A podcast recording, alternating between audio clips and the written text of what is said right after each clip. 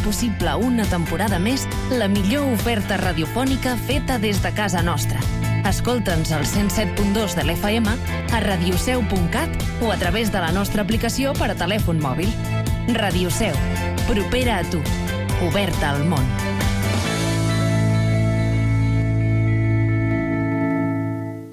Mac presenta la història de la vida. Quan va dir que sí, alguna cosa va començar, junts els dos per primer cop. De nou, una nova i indescriptible emoció que tot ho canvia. De sobte t'adones que heu creat una extraordinària vida. I avui, un nou inici comença. La història dels vostres fills. Hi ha moments únics. Mac t'acompanya en aquesta meravellosa història de la vida. Mac, sempre amb tu. Mobles Ferràs, al carrer Major 5052 de la Seu d'Urgell.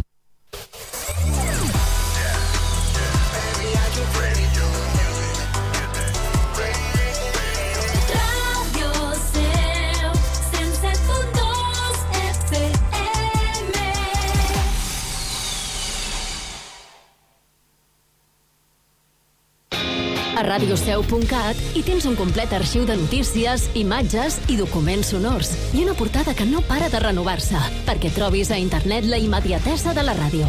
La pàgina web de Radio Seu, el referent informatiu local.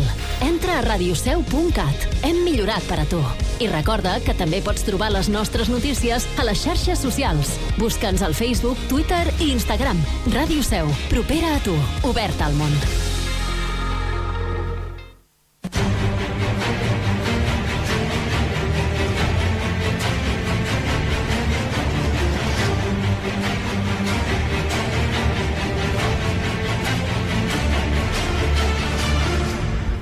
Portes de Troia, amb Alberto Reche, Sergio Rodríguez i Albert Abril.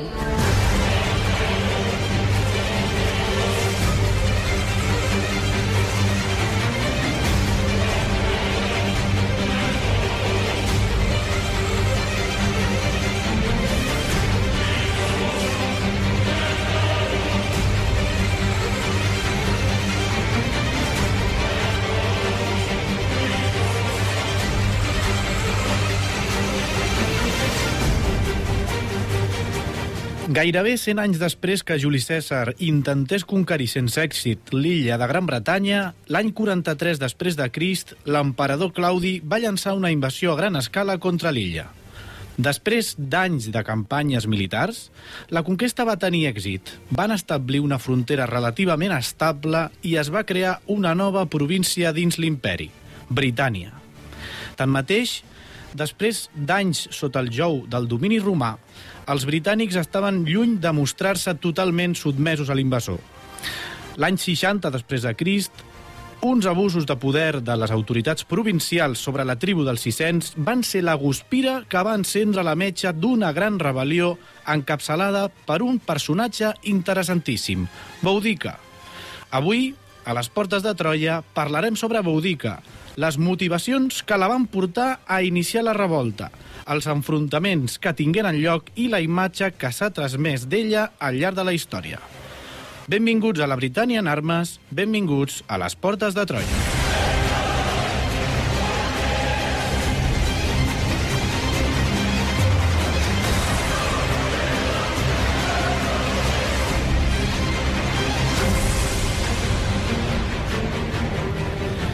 Benvingudes i benvinguts una setmana més a les Portes de Troia, programa 396 per parlar de la rebel·lió de Boudica. Avui amb el nostre historiador capçalera, el nostre estimat Albert Abril, benvingut. Hola, com anem? Avui parlarem d'un personatge interessantíssim i, i, per tant, la pregunta inicial que et faig i que volem que ens responguis per situar els nostres oients és si aquesta rebel·lió que hem eh, comentat a la introducció va ser molt important. Uh, a veure, teni, hem de tenir en compte una coseta, i és que uh, jo, en Sergio, he llegit molt bé la introducció, i és que l'any 60 és l'any que es considera el final de la entre moltes cometes, de la, primer, de la primera conquesta de Britània que du a terme l'imperi romà.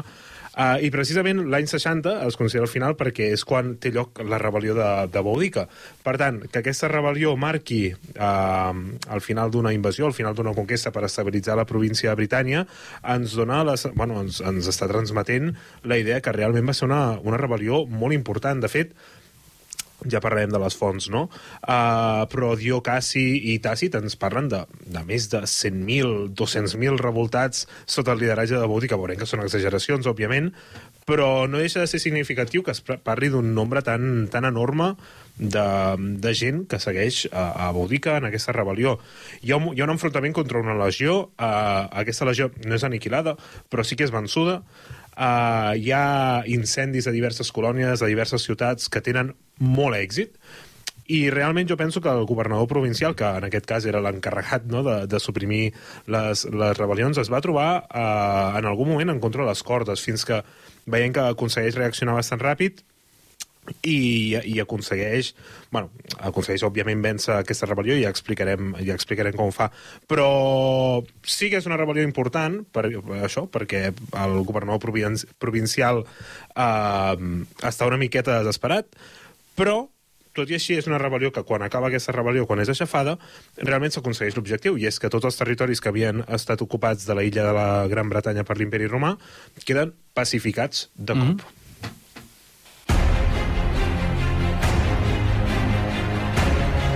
Segueix-nos a facebook.com barra Portes de Troia o a Twitter arroba Portes de Troia. Descarrega't el podcast des d'iBooks o iTunes.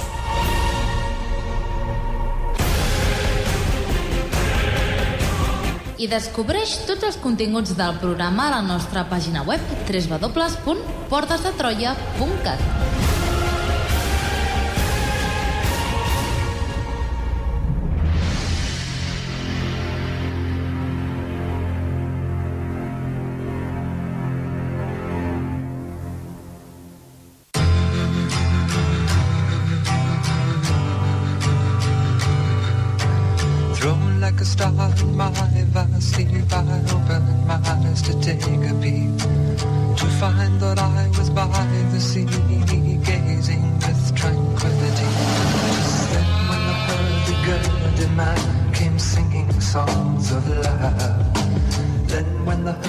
Doncs comencem aquest programa d'avui dedicat a la rebel·lió de Boudica i, i ho fem escoltant aquesta sintonia d'entrada de l'opening de la sèrie eh, Britània, que el nostre estimat comentarista de sèries també, sí. I també historiador Albert Abril, que se'n passa... A, a part, historiador, no? Exacte, i se'n passa qualsevol merda que facin sobre història, ell se la se'n passa i, per tant, ens pot donar el seu parer sobre aquella sèrie, que no sé si encara està disponible per totes aquelles persones, poques, que ja encara quedin a Netflix després de les de retallades la del servei. de Netflix.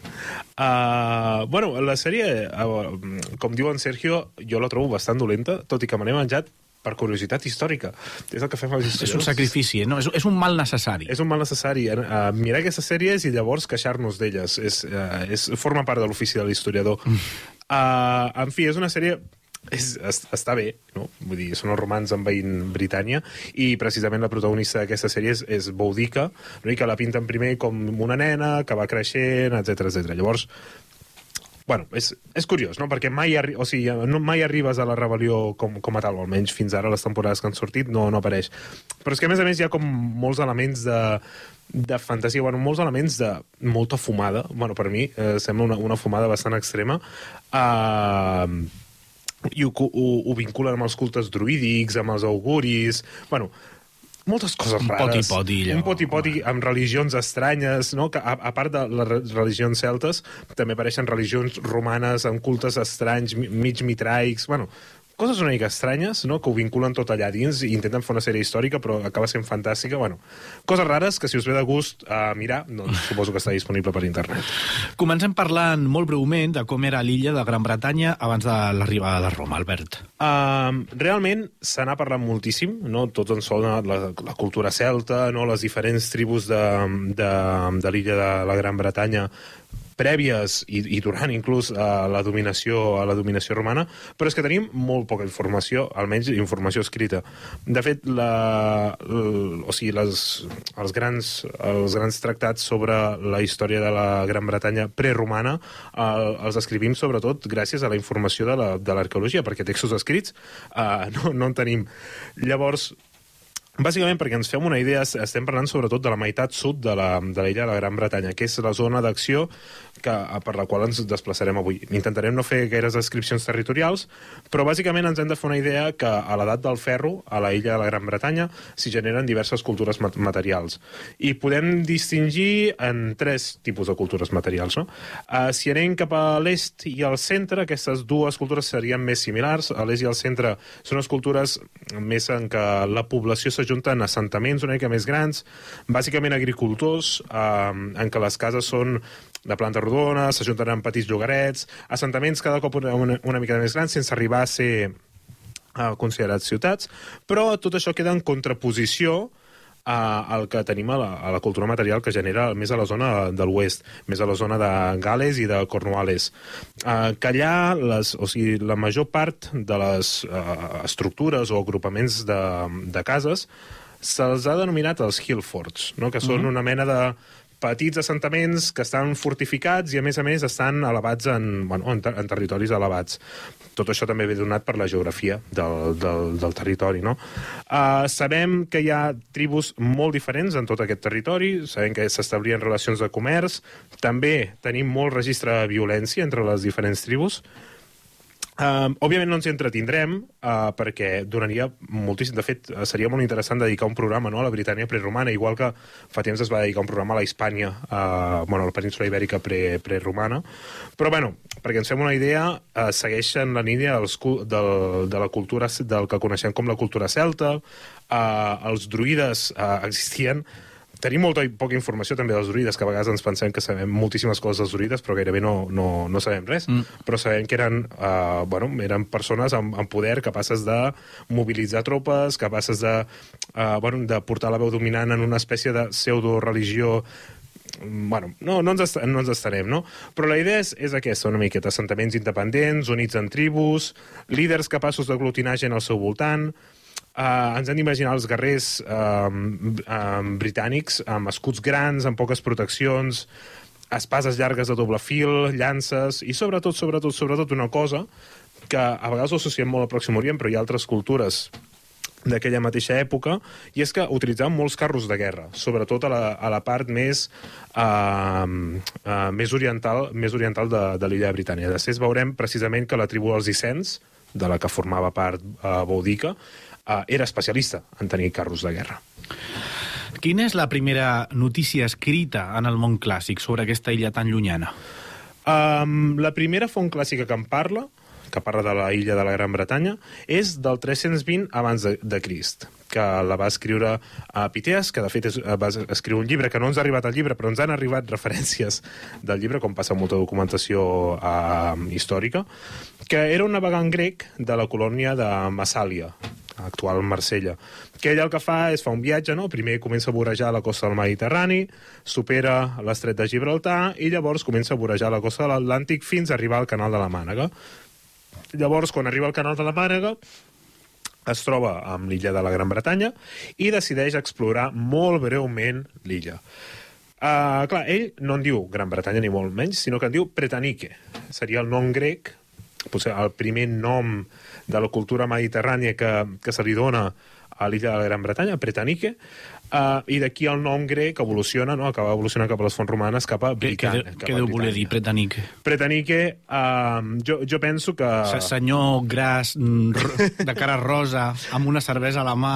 Arròs eh, que fa balcòning a les Balears. Exacte. Això és exactament el que vol dir això, Pretanique. Uh, però sembla que originalment el terme prové del galès, que s'anomena, pri- es diu Pridine, que significa bàsicament els pintats mm. o els tatuats. Mm -hmm. no, això també ens transmet no, que és molt possible que en, uh, que en, en rituals, en moments de culte o inclús en batalles, els, els soldats britànics anessin amb les cares pintades, amb la roba molt tenyida, uh, etc. Ja diem, no ens, no ens, no ens, hi, extren, no ens hi extendrem gaire. Tot i això, uh, els, o sigui, al 320 tenim aquestes primeres mencions de, de Pitees, però els grans textos sobre la illa de Gran Bretanya no apareixeran fins que Juli Cèsar uh, posi els peus en aquesta illa.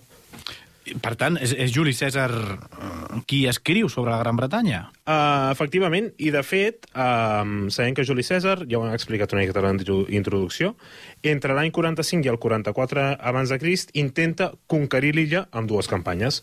La primera campanya que fa és, és, és, és un desastre, perquè gairebé no supera ni la platja. La segona campanya sí que s'endinsa una mica pels territoris de, de la Gran Bretanya, però bueno, és una cosa que no, bueno, que no, no va més enllà que una campanya de, de pròpiament exploració, no? Um, clar, Juli César, just després de conquerir la, la Gàlia, pretenia estendre's una miqueta més, uh, però bueno, ell el que fa és justificar aquesta aquest intent d'invasió, aquest, aquest intent d'expedició de càstig, per dir-ho d'una manera, perquè deia que els britànics havien ajudat a les tropes gales que anaven en, en contra seu Mhm. uh, durant la seva conquesta de les Gàlies. Llavors, no està gens clar si Juli César, quan ataca la illa, uh, l'ataca amb la intenció de, de conquerir-la, d'en- d'envair-la, o simplement si el que, ve, eh, que volia fer era una, una expedició de, de reconeixement. Mm, la idea és que van ser dos fracassos, llavors potser la historiografia també, o, o el propi Juli César, quan ens parla de la seva expedició, li ha, li ha volgut re- restar importància, però bé sabem que hi va haver batalles, els romans eh, van ser potser no directament re- derrotats, però sí per temes logístics, eh, per temes de desconeixement del territori, etc. es van veure obligats a retirar-se i ja està. Uh, clar, no serà fins ben bé el 43 després de Crist, és a dir, gairebé 100 anys justos després de la de l'intent de conquesta de Juli Cèsar, durant el principat de l'emperador Claudi, quan els romans realment es plantegen conquerir l'illa de Bretanya. Molt bé, i què passa a Britània eh, entre l'expedició de Juli Cèsar i la invasió de Claudi? Perquè aquests 100 anys de, de distància... Doncs, Passen coses. Passen coses. Passen coses, passen coses. Uh, clar, bàsicament ens hem d'imaginar... Uh, clar, els, els britànics ja han rebut la visita dels romans, no? I quan Roma et visita, uh, per molt que Roma es retiri, Roma es queda, d'alguna manera. Um, ens hem d'imaginar que el sud i el sud-oest de l'illa comencen a formar part de la zona d'influència comercial de Roma.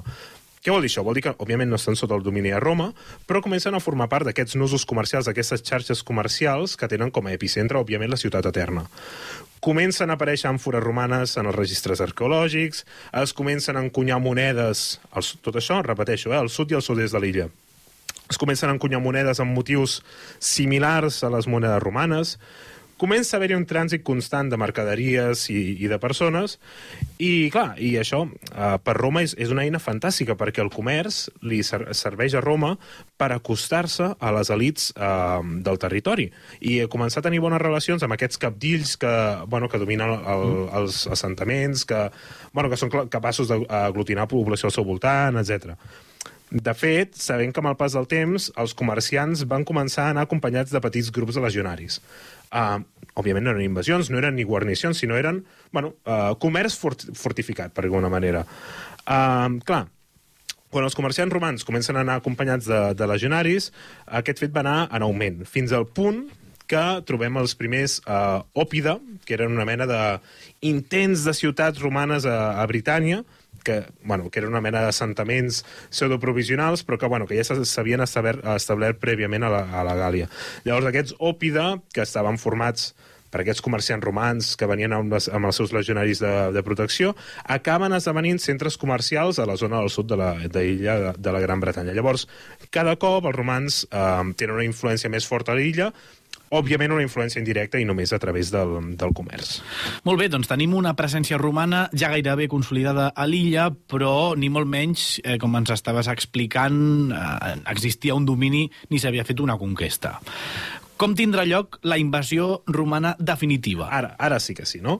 Uh, clar, això també, un altre cop, es mereixeria un programa sencer. No l'estic prometent, simplement estic dient que se'l mereixeria, no? La, la conquesta romana... Estàs intentant, eh, diguéssim, magnificar el tema, no? dient que, que mereixeria un programa. Exacte. I, I avui, Sergio, estic molt orgullós perquè crec que realment sí he fet poc context. Molt bé. I poca introducció, crec. Uh, I per això estic dient, bueno, ja, ja farem programa. Els, els oients jutjaran. jutjaran. Uh, bé, la conquesta romana uh, va tenir lloc entre els anys 43 i 60 després de Crist i es va iniciar amb moltíssima força no? ja ho hem dit abans, durant el principat de l'emperador Claudi. Uh, I, de fet, és, és uh, i és durant el seu regnat quan es va fer més feina, no? perquè aquesta conquesta sí que s'inicia al 43 eh, durant, el seu, durant el seu principat, però com ja hem dit, s'acaba al 60 per la revolta de, de Boudica, que la revolta de Boudica, de fet, ja no és sota el principat de, de Claudi, sinó que passa eh, sota el principat de, de Neró. Um, no ens extendrem, com ja hem dit, però hem de pensar que Claudi eh, acaba de pujar al tron l'any 41 després de Crist, de manera bastant inesperada, no? la, la Guàrdia Pretoriana, com es expliquen les fonts, el proclama emperador. Bueno, hi ha tota la història aquesta de, de Calígula, que és assassinat, no? Llavors Claudi, que no vol ser emperador, però l'obliguen a ser-ho, que, bueno, que eh, no, no, no ens entretindrem, òbviament, però, clar, el 41 després de Crist, Claudi és declarat emperador. Uh, el 43 ja és a Britània, ell físicament no, però ja està iniciant una campanya contra Britània. Però ja sabem que és molt típic que quan un emperador acaba de ser proclamat emperador, faci una campanya militar perquè és una manera de, de consolidar el seu poder. Um, al final, el Claudi el que fa és valdre's de l'excusa perquè hi ha un refugiat britànic que, va, que demana ajuda a Roma per recuperar el control de l'illa, no? i així té una mica de casus belli, no? de, de justificació per, per la invasió. Sabem també que Claudi va trepitjar, va anar físicament a la pròpia illa, però quan encara la feina no estava feta, és a dir, potser ara no recordo ben bé quin any, quin any hi va anar, però ell hi va anar quan encara s'estaven donant a terme les campanyes de conquesta. Uh -huh. Ell va anar a l'illa, va dir, que bé, això ja és meu, això ja és de Roma, no? Britània, nova província de Roma. Um, S'hi està uns dies i torna a Roma per celebrar el triomf. Ja està. No, ja està. He, he anat Ja he, fet la Britània... meva, ja he fet la meva primera campanya. Exacte, he fet la meva primera campanya, Check. tenim una nova, una nova província, la més uh, llunyana de, de Roma, i ja està, jo hi he estat, he fet la meva feina, i ara torno a Roma, faig el triomf, que és el que la, el que la gent demana. Es crea la província de Britània, amb capital a Camolodunum, que és Colchester, l'actual Colchester, que és una capitalitat que es comparteix una mica amb Londinium, no? òbviament la- l'actual Londres. Um, llavors, la conquesta de Claudi arriba una mica més al sud del que coneixem com el mur d'Adrià, perquè després de Claudi hi haurà Agrícola que farà tota una sèrie de campanyes per expandir-se una, més al no, una mica més al nord, dominar una mica més la zona de Gales, etc. Com és que, que Roma posa la, seva, posa la seva mirada a l'illa de Britània? Per què Britània? Doncs bàsicament perquè, bueno, a part que és una illa eh, rica en minerals, en recursos, eh, però també sobretot perquè és una gran font d'esclaus. Um, clar, hem de pensar que estem en un moment en què les fronteres occidentals de l'imperi, nord-occidentals de l'imperi, estan una mica estancades en el Rin. Sabem que Germània és el gran terror, un dels grans terrors, igual que el Danubi, no? igual que um, el Rin, es, són les grans fronteres estàtiques per l'imperi romà, són els seus terrors. Llavors, recordem que l'imperi romà, el seu sistema econòmic és, és l'esclavisme. Um, molts cops hem, hem, eh, se'ns ha explicat no, l'imperi romà viu d'extendre's, perquè quan s'extén és quan pot tenir, o sigui, quan pot reclutar desenes de milers d'esclaus per mantenir, bueno, per mantenir la seva, la seva producció econòmica. Què passa? Que estem en un moment en què la província de la Gàlia ja s'havia integrat perfectament en els mecanismes de l'imperi. Quan t'has integrat eh, ja, o sigui, quan ja no hi ha rebels, ja no hi ha guerres per, de, de càstig, no hi ha campanyes militars, etc. Um, clar, el que, el, que, el que passa és que et quedes sense esclaus a la província. Per tant, necessites anar a un, alt, a un nou territori per noves campanyes militars, noves campanyes de càstig, provocar noves revoltes. Per què? Per generar esclaus. I això és un dels grans motius pels quals um, els romans posen la mirada a la Gran Bretanya. I per fer-nos una idea, com va ser la dominació romana de l'illa de, de Britània? Clar, bàsicament, com feien sempre els romans, de, depenia moltíssim sobre... Clar, com que els britànics estaven organitzats per tribus o per assentaments independents, depenia moltíssim de com tu t'havies sotmès a, a la invasió romana, a la conquesta romana. Uh, si tu t'hi havies sotmès relativament de bones, uh, havies òbviament havies de fer unes contribucions impositives i, un, i de fet un procurador, el procurador de la província, s'encarregava de recaptar-te els impostos.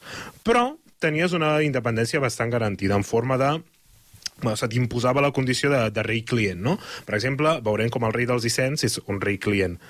Uh, pot gaudir d'independència, pot governar els Icens, i a més a més, uh, segurament serà sense, sense una guarnició romana, vigilanta perquè, perquè no toqui els nassos. Uh, clar, això si havies acceptat la conquesta de manera pacífica, és a dir, si tu havies pactat amb els conqueridors romans. Si a tu se t'havia uh, conquerit mitjançant les armes, les condicions ja ens podem imaginar que eren molt més dures. De fet, la pressió fiscal era molt major, era molt superior, eh, es deixava una guarnició en el, en el teu territori perquè no fessis de les teves, bàsicament, però sobretot en dos casos hem de pensar que els, els joves de les tribus conquerides, sigui a mitjançant pactes o sigui mitjançant la violència, els joves de les tribus eren propensos a ser reclutats com a tropes auxiliars de, de l'exèrcit. Clar, això és una arma de doble fil. Per una banda, ampliem les files roman, de l'exèrcit romà amb auxiliars que coneixen el territori, que, que saben l'idioma, que saben mm. la cultura, etc. I per altra banda, estem deixant tribus que són potencials rebels sense soldats joves. Per tant, amb això Roma eh, està establint un domini molt fort. A les portes de Troia. La història a la ràdio. Descobreix tots els continguts del programa a www.portesdetroia.cat.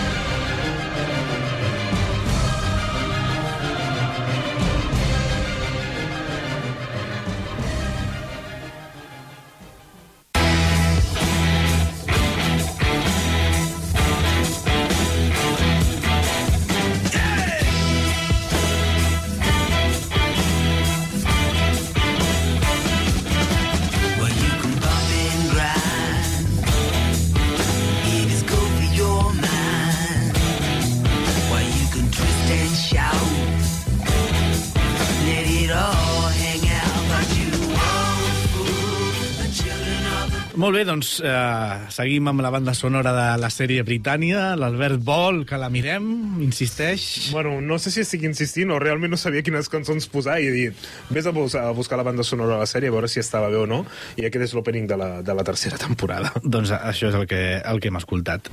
Albert, sembla que ja tenim una visió general de quina era la situació de, Britana, de Britània en aquell moment. Centrem-nos ara a la nostra protagonista d'avui, Boudica. Què en sabem d'ella?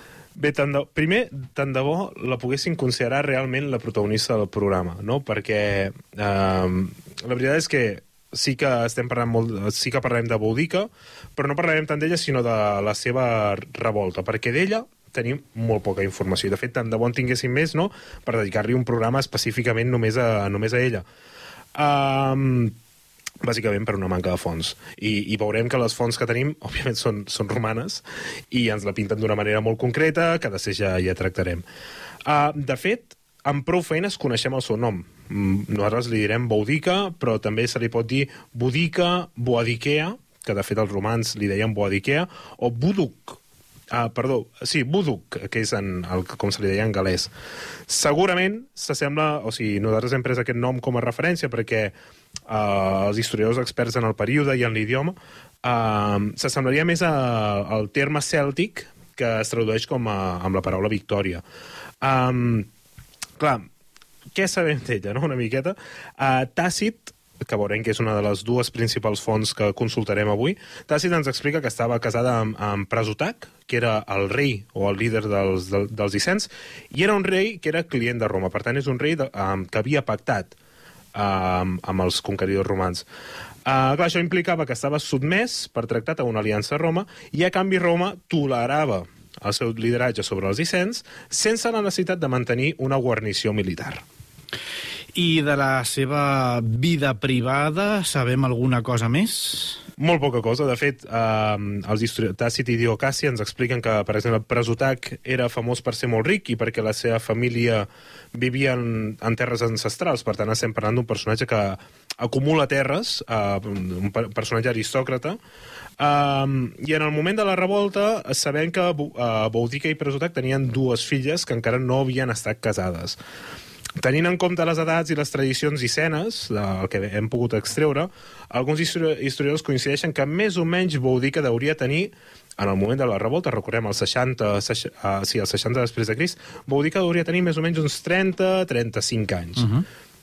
Llavors, segurament, segurament, Boudica també era de la tribu dels Icens. Clar, tampoc ho podem confirmar, no?, de quina tribu era, era Boudica, perquè podia ser perfectament, o sigui, no seria gens descabellat que Boudica formés part d'una altra tribu i que a través del matrimoni amb, amb Presutac s'hagués integrat a la tribu dels Icens. I has esmentat la tribu dels Sisens ja des del principi del programa, però qui eren? Com els hem de caracteritzar? Clar, els, els Icens uh, són una de les tribus que habitava Britània uh, en, en aquest període. Vull dir, a Bri- a Britània hi havia moltíssimes tribus, uh, de, depenent de quina zona, amb cultures materials molt diferents, amb tradicions diferents, llengües molt similars i, i cultes també ba- bastant similars. Um, ens hem d'imaginar els Icens ocupaven una porció de l'actual Ànglia Oriental, al voltant de Norfolk, i en aquell moment la majoria dels Icens vivien en cases de planta rodona, organitzades a moda de granges o inclús algunes aldees més aviat petites.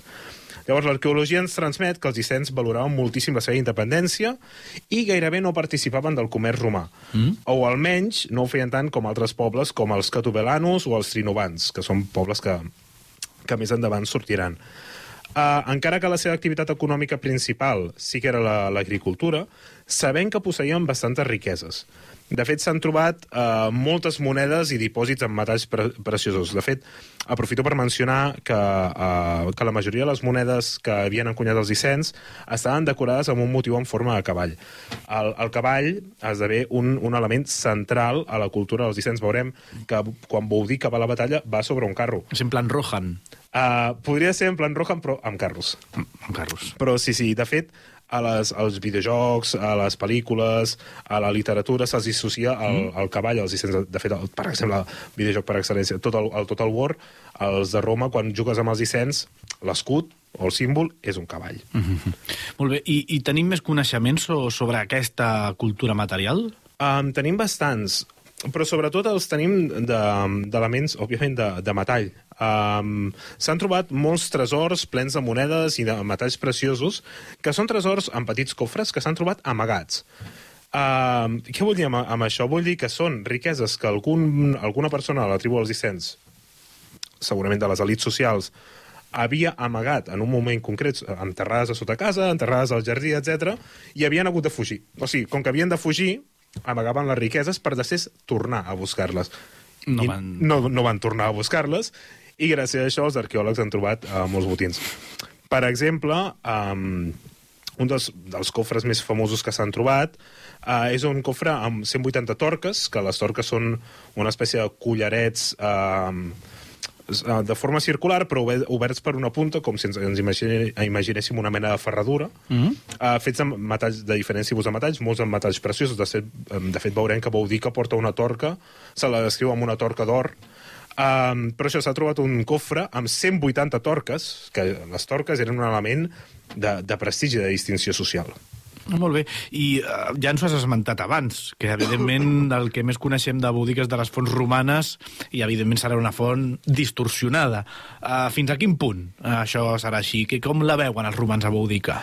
distorsionadíssima, no? Uh, bueno, la, de fet no ho sabem perquè són les úniques fonts que ens parlen de Boudica, uh, però sempre ens la descriuen amb uns ulls, amb una mirada molt exòtica. Uh, clar, l'absència de ciutats i la voluntat d'urbanitzar-se feien que les tribus aquestes britàniques pels romans eren com el súmum de la barbària, però alhora també els hi despertaven bueno, certa curiositat, certa admiració. De fet, Dio Cassi subratlla eh, l'aspecte físic no, de Boudica i diu, eh, diu així Era molt alta, els seus ulls semblaven apunyalar-te, la seva veu era aspra i forta, el seu espès cabell entre el color marró i el vermell li queia per sota de la cintura. Sempre utilitzava un enorme collaret d'or al voltant del coll, en aquest cas entenem que és la, la Torca. torca, i una capa de tartà subjectava, eh, subjectada amb un fermall. Altres frases estel·lars com les de Diocasi, referint a ella, era eh, posseïa una intel·ligència superior al que sol ser comú en, en les dones. Mm, Clar, estem parlant d'un personatge targeta lila, eh? que és targeta lila, exacte. és, uh, és, Diocasi és aliat, uh, aliade.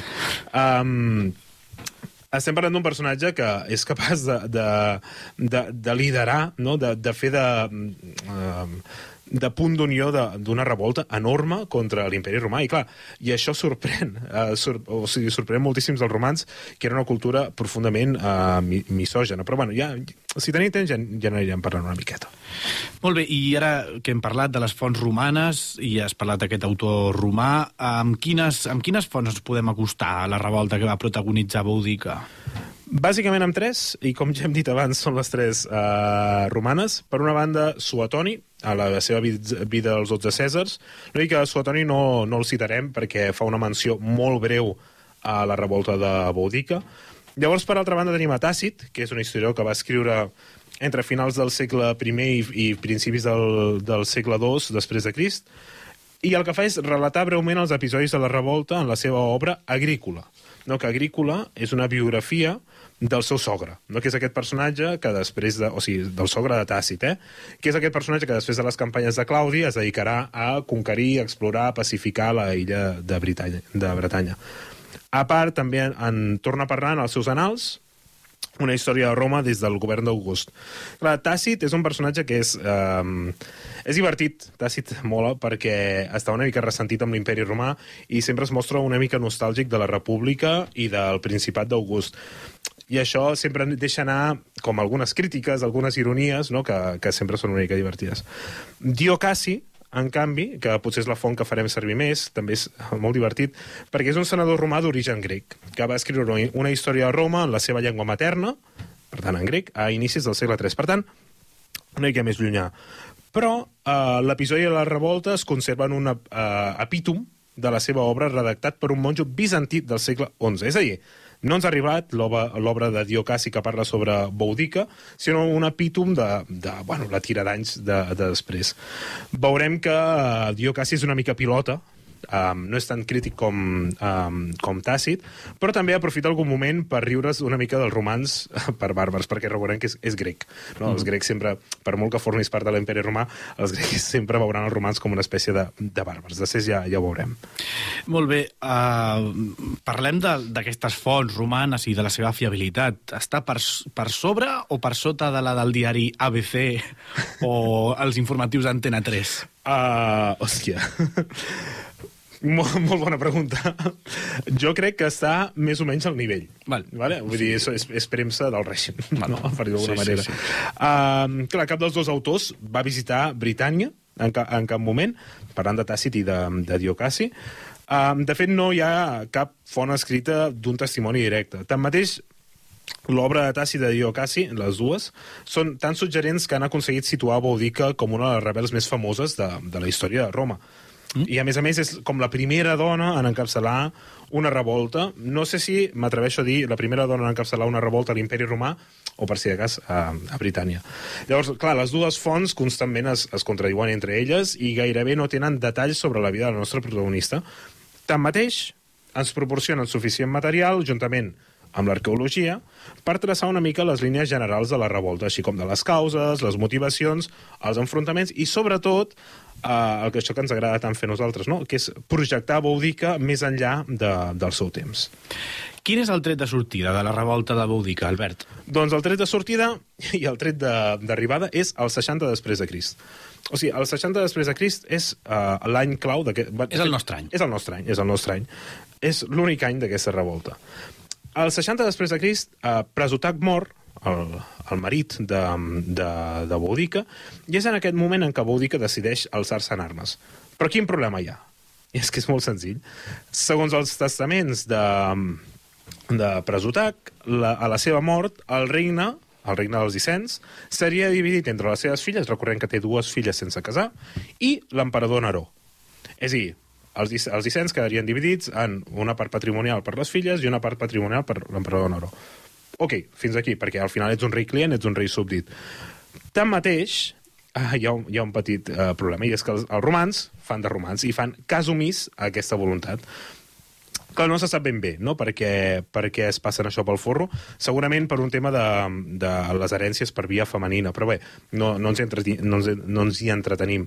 Uh, què passa? Que quan es mor Presutac, el procurador, el procurador de la província, que es, es deia Cat de Uh, encarregat de les finances, com hem dit, el, procu el procurador s'encarregava de la recaptació d'impostos, de les inversions, etc. va enviar els seus secretaris, entre cometes, al territori dels Icens. Aquests secretaris, en principi, el que havien de fer és, per dir-ho d'alguna manera, arreglar papers no? amb, amb Boudica després de la mort de, de Presutac.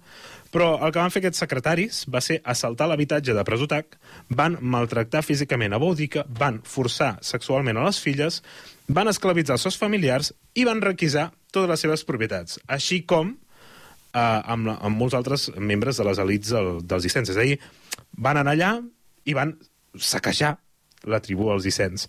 I això, aquest esdeveniment, òbviament, ja ens podem imaginar que és un trencament de l'equilibri que s'havia establert. Clar, justament és com molt sobtat tot i, i, i Boudica decidirà que, que és el moment d'aixecar-se en armes, suposo.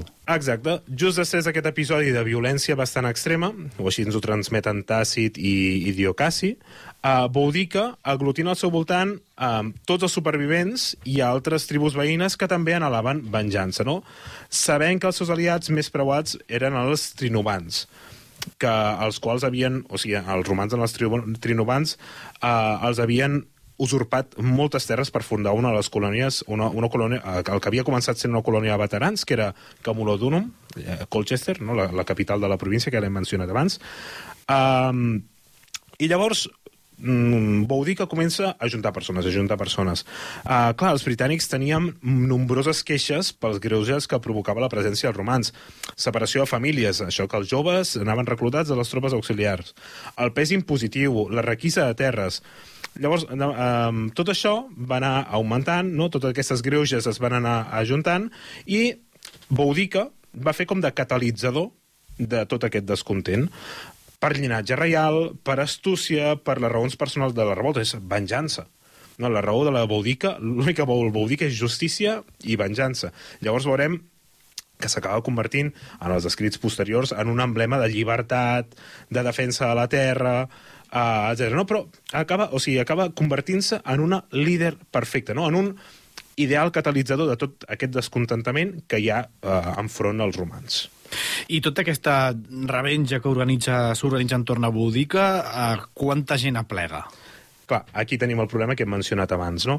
Uh, segurament sí que és veritat que va ser capaç d'aglutinar o d'ajuntar l'exèrcit més nombrós que mai havia vist l'illa. Això és, és, és possible. Clar, Diocasi, però, ens afirma que va arribar a reunir 120 120.000 homes i que amb aquests va atacar els centres d'autoritats romans, etc etc etc. no? Però 100 120.000 homes ens estaien 120.000 120.000 soldats. És impossible que fossin 120.000. Um, veurem, no?, a veure si podem desgranar una mica més aquesta xifra més endavant i arribar així, a, a números una mica més realistes, però ja us aviso que serà una mica difícil. I doncs com comença tot, Albert, aquesta revolta? Clar, Boudica calcula molt bé els seus moviments. Um, quan ella s'aixeca militarment, sembla que ho faci expressament perquè el governador de Britània, Suetoni Paulí, estava ocupat conquerint l'illa de, de Mona, no? que és uh, l'actual illa d'Angle- d'Anglesey, que és una illa que queda just al nord de, de Gales. Era un centre importantíssim, ja que era un centre de culte druídic, i era un lloc de refugi pels refugiats i pels, i pels enemics de Roma. Uh, mentre Suetoni Paulí, el, el governador, es trobava saltant l'illa de Mona amb dues legions, dues de les quatre legions que estaven uh, cantonades a, a Britània, Boudica va aprofitar i va començar a atacar els centres neuràlgics de, dels romans. Clar, ens hem d'imaginar, Suetoni Paulí tenia uns motius molt concrets per atacar l'illa de Mona, perquè recordem que els druides eren bueno, era, er- eren com un poder molt fort dins la, dins la cultura celta. Llavors, quan ell va atacar aquesta illa, no només va aniquilar les persones, sinó que va cremar boscos sagrats, va cremar edificis religiosos, etc etc. I, I els primers moviments que va fer Boudica, qui- quins serien a partir d'aquí? Doncs clar, Boudica es mou en aquesta línia. Aprofitem que el governador està concentrat en una illa ben lluny d'aquí i ataquem la capital o mm, cocapital de la província, ataquem Camulodunum. Um, què passa? Camulodunum en aquell moment no tenia fortificacions. Camulodunum. Camulodunum. Perdó. No, Colchester. Vale? Colchester és més fàcil. Uh, no tenia fortificacions. Llavors, Boudica, amb la seva tropa, arriba en aquesta ciutat i cala foc, massacra la població, Uh, l'assalt va acabar amb l'incendi del temple del diví Claudi, on hi havia refugiats romans, llavors, eh, clar, Tàcit i Diocasi, no? És que civils romans es van refugiar en el temple i el temple també va quedar cremat, no? De fet, l'incendi va ser tan potent que els estudis arqueològics de la ciutat de Colchester encara, encara es pot docu- documentar un potent estrat, no? als estrats de- d'arqueologia, que està ple de cendres, tot està ple de cendres. I, de fet, aquest estrat es coneix com l'horitzó de destrucció de Boudica. Hòstia, aquest nom és brutal. És, és fantàstic, és fantàstic, és fantàstic. Um, clar, la dimensió de les troballes permet als historiadors confirmar que l'incendi de la ciutat va ser absolut i inclús va afectar els, els voltants de la ciutat rom- de l'antiga ciutat romana. Val, eh, després de... Jo crec que ja s'entenen moltes coses després de, de tenir una referència històrica com és l'horitzó de destrucció de, destrucció de Boudica. Uh, després d'arrasar, cremar aquesta ciutat, què van fer els rebels? Uh, bé, acaben d'arrasar el que era gairebé la capital provincial. És a dir, ens hem d'imaginar que, que el cop va ser fort. I, I repetim la idea, no? No hi havia fortificacions. Per tant, ells arriben allà, maten a, tu, bueno, a tothom o això ens transmeten les fonts. I creen un, un incendi enorme, que, això, que l'incendi sí que s'ha confirmat per l'arqueologia. Uh, segon objectiu, doncs els rebels molt bé, ja hem, hem atacat Colchester, no?, que era la, la s- cocapital, doncs estem animats, anem cap a Londinium, no? tirem cap a, vinga, cap a Londres, cap a la l'altra cocapital. Uh, pel camí, a més a més, van vèncer a la novena legió, uh, provocant-los més o menys uh, unes 1.500 baixes. Clar, la legió no va quedar destruïda del tot, però va rebre un cop molt dur. Recordem, a Britània només hi havia quatre legions en aquell moment. La novena, la catorzena, etc. no? però que dues estaven amb, amb el governador. Uh, clar, Londinium s'estava convertint en una enorme ciutat romana, un centre de comerç, de finances i sobretot d'administració. I com ja hem dit, era gairebé la, el, el punt neuràlgic de la província. Tanmateix, en aquell moment, igual que a Colchester, doncs, no tenia fortificacions. Uh, abans de l'atac, just abans de l'atac de Boudica, Suetoni rep notícies de l'aixecament. Perquè, clar, hem d'imaginar que aquí estan passant setmanes o inclús al- algun mes. Uh, deixa una guarnició a l'illa de Mona, Suetoni, i, um, i es dirigeix ràpidament cap a- Londinium. Què passa? Que no li serveix de res protegir la ciutat perquè la ciutat no té fortificacions. Per tant, el que fa és intentar evacuar la ciutat abans que arribi Boudica. Quan Boudica arriba a Londinium, uh, va procedir exactament igual que va fer amb Colchester, incendia tota la ciutat de, de Londres. Clar, juntament amb les persones que no s'havien evacuat amb el, amb el governador Suetoni Paulí. Déu nhi portem dues ratxes seguides. Uh, això continuarà? Sí, de fet, eh, les tropes rebels eh, van reprendre la seva marxa després de cremar també Londinium, reprenen la seva marxa a través de, les, de la carretera que coneixem actualment com la uh, Watling Street, en, di en direcció a Verula Verulamium, no? que actualment és uh, St. Albans. Um, S'han carregat les dues capitals de la província i ara estan anant cap a un altre assentament. No és una colònia i tampoc és una ciutat romana, sinó que era la capital dels, de la tribu dels cato- catubalanos. Uh, què passa amb aquesta tribu? Doncs que eren, vau dir que els diu que eren col·laboracionistes romans. Um, davant d'aquesta ciutat sembla que també hi ha destrucció, però és una, és una destrucció molt més eh, selectiva. Llavors, no sabem si ho va fer expressament o si va oferir eh, pactes i només va cremar les zones de la ciutat que no van pactar, però eh, Tàcit deia que, bueno, que no van prendre ni presoners, ni van prendre botí i tampoc van assassinar massa gent perquè vau dir que sabia que tenia els dies comptats. Portem ja uns mesos de revolta. Uh, en quina situació es troba la tropa de Boudica i, i la de Sautoni Paulí? Clar, ens hem d'imaginar dos gegants, no? Suetoni Paulí, que acaba d'evacuar la ciutat de Londinium, i Boudica, que, clar, ens hem d'imaginar que cada cop que avança la rebel·lió, més gent se li va sumant. Clar, Diocasi ens diu un altre cop que en aquell moment té 230.000 soldats sota les seves ordres i Suetoni uns 10.000 efectius. Els 10.000 efectius ens els podem arribar a creure perquè eren la mida més o menys de dues legions en les seves tropes auxiliars, però els 230.000 eh, soldats són impossibles. Llavors, Suetoni Paulí el que fa és eh, decidir eh, plantar cara a Boudica i fer el millor que saben fer els romans, i és plantar una batalla campal en un lloc on la superioritat numèrica no, no tenia sentit. A les portes de Troia. Descobreix la teva història.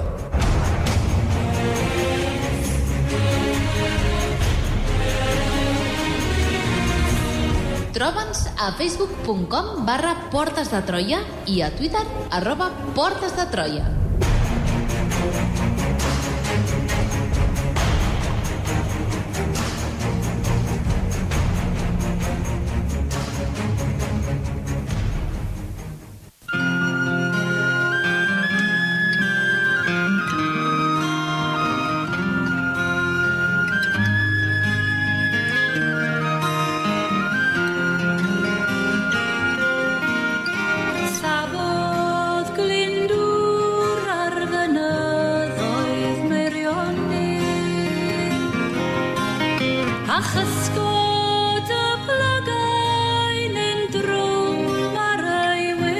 Wyn. Recte final del programa, ja per veure com acaba aquesta història d'avui que ens està portant l'Albert eh, sobre Beudica i, i sembla que s'està acostant aquesta campanya, aquesta, perdó, aquesta batalla ja més clàssica que hem obert. I perquè, clar, justament això és el que sempre li ha anat molt bé a, a Roma, no? Sí, de fet, tots sabem, no?, els exèrcits imperials romans que són una gran màquina de guerra, que funciona molt bé quan poden maniobrar lliurement. Jorge Aro ens n'ha parlat moltíssim, uh, altres convidats en, en parlen molt bé, jo no, no m'hi estendré, perquè també és una batalla que desconeixem bastant. És una batalla que ens hem d'imaginar l'exèrcit de Boudica davant de l'exèrcit de Suetoni Paulí, en un camp obert, i, en una, i a més a més sabem que Suetoni Paulí va, es va apostar en una situació que era avantatjosa uh, per ell. Uh, no descriurem la batalla, però sí que descriurem uh, una cosa que és molt bonica, i és que tant Tàcit com Diocasi coincideixen en que Boudica va arengar a les tropes amb el seu carro de guerra, no, a la William Wallace, a Braveheart, Sí. passejant-se per davant de les tropes amb el carro de guerra i cridant un discurs molt llarg que, que bueno... Um, Que ve a dir- Resumir, que ve a dir una miqueta um, moltes coses, de fet us recomano que el busqueu perquè és molt divertit, però bueno, jo us en faig un parell de, de tastets, no? Per exemple, diu coses com que Neró, qui encara que tingui un nom masculí, de fet és una dona, com ho demostra el seu cant, el so de la seva lira i l'envelliment de la seva persona. Uh, també parla dels, dels britànics, no? que no saben com cultivar el sol o exercir el comerç, però que estan profundament versats en l'art de la guerra. Per tant, els britànics no s'han de preocupar pas perquè són uns grans guerrers. Um, tornant a fer referència als, als romans, no? Beuen vi sense barrejar, s'ungeixen amb mirra i dormen en còmodes llits acompanyats de joves com a companys. Ojo, Diocasi, dient que els romans beuen vi sense barrejar. Diocasi, recordem, grec, que òbviament beu vi barrejat amb aigua. I aquí està- s'està posant el, el, la veu de Boudica no? per criticar els romans per ser uns bàrbars que beuen vi sol. Uh, I acaba així el discurs, no? Diu, per tant, que la senyora Domícia Neró, no, tornant a feminitzar a Neró, no pugui regnar sobre mi o sobre vosaltres, homes que canti la mossa i governi els romans. No, que canti la mossa Neró i que governi els romans, no. Però que nosaltres ens governem sols, no? Sigues tu, senyora sola, i sempre la nostra guia. I aquí fa referència a la deessa, que és la deessa de la victòria, que és Andarta. Um, clar, és, és, és, és molt divertit, no? Llavors, després d'aquesta arenga, nosaltres sabem que uh, Boudica el que fa és, en el camp de batalla, ella cree que, bueno, se suposa que ella cree que allò seria una victòria fàcil, per una clara superioritat numèrica, um, però uh, va situar les dones i els nens al voltant de, uh, com emmarcant, com si fos un camp de futbol, al camp de batalla, perquè ho serveixin la victòria.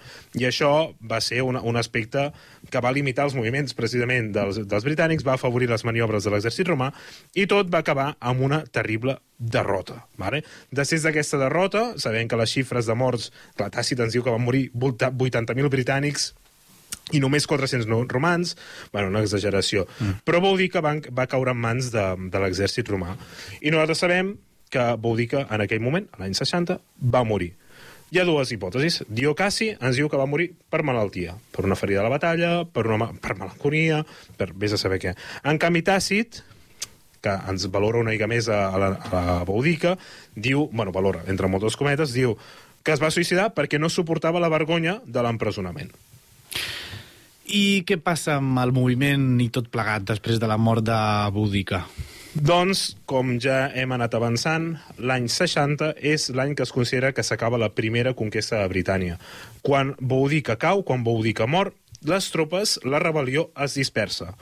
Um, Sotoni Paulí passa per espasa, passa per foc a totes les poblacions rebels, totes les tribus que s'havien revoltat o havien donat suport a la revolta, però també hi ha un canvi al, al, al, al govern de l'illa, perquè després d'aixafar tota aquesta revolta, el procurador, recordem, aquesta persona que envia els secretaris a saquejar la casa de, de Boudica, és substituït per un altre procurador.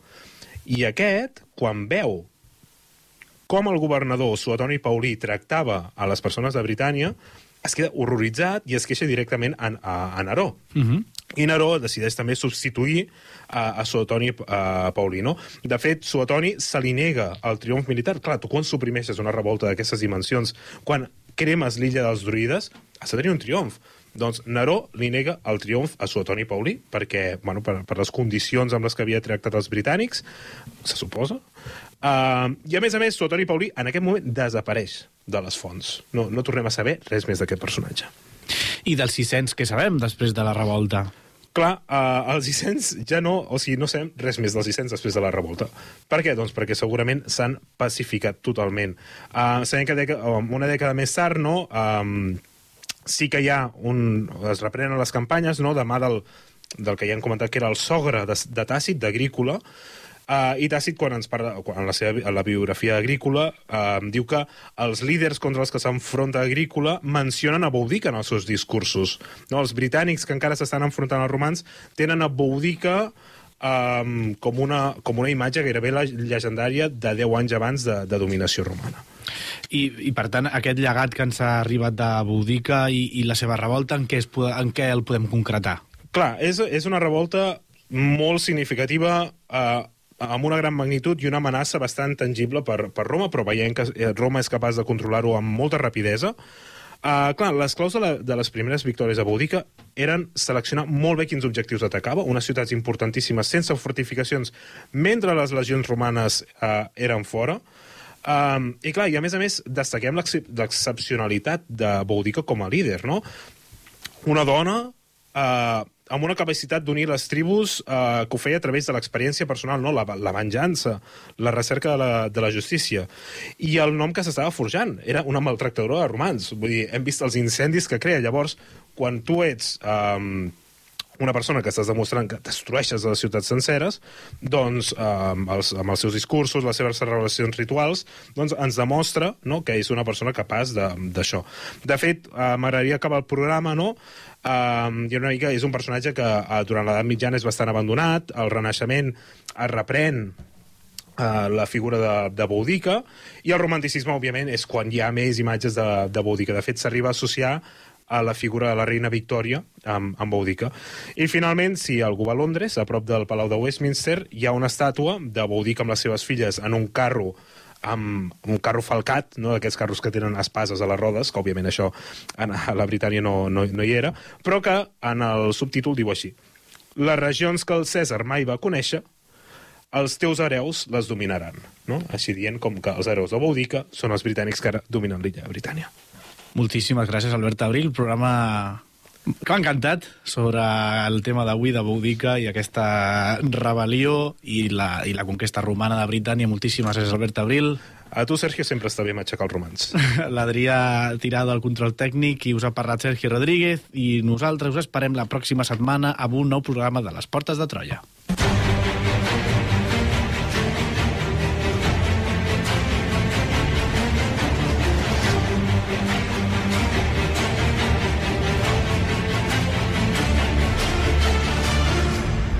Les portes de Troia, amb Alberto Reche, Sergio Rodríguez i Albert Abril.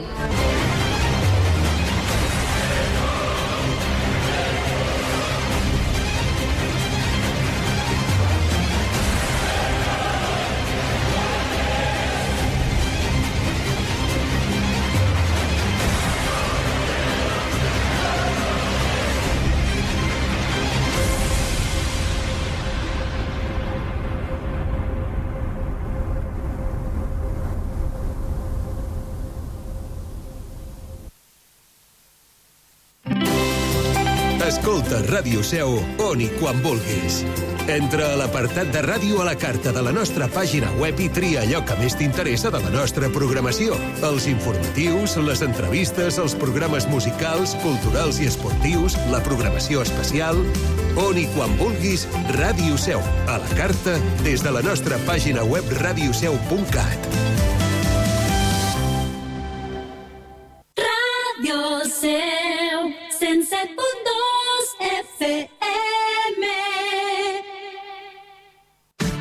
Centenars de persones segueixen l'actualitat diària de la Seu, l'Alt Urgell i el Pirineu amb radioseu.cat. Des de la Seu o des de qualsevol punt del món, la pàgina web de Ràdio Seu t'acosta al que passa a casa nostra, siguis on siguis. Una pàgina web renovada i amb un servei de podcast que millorem perquè puguis accedir més fàcilment a tota la nostra programació quan vulguis. Busca'ns també a Facebook, Twitter i Instagram.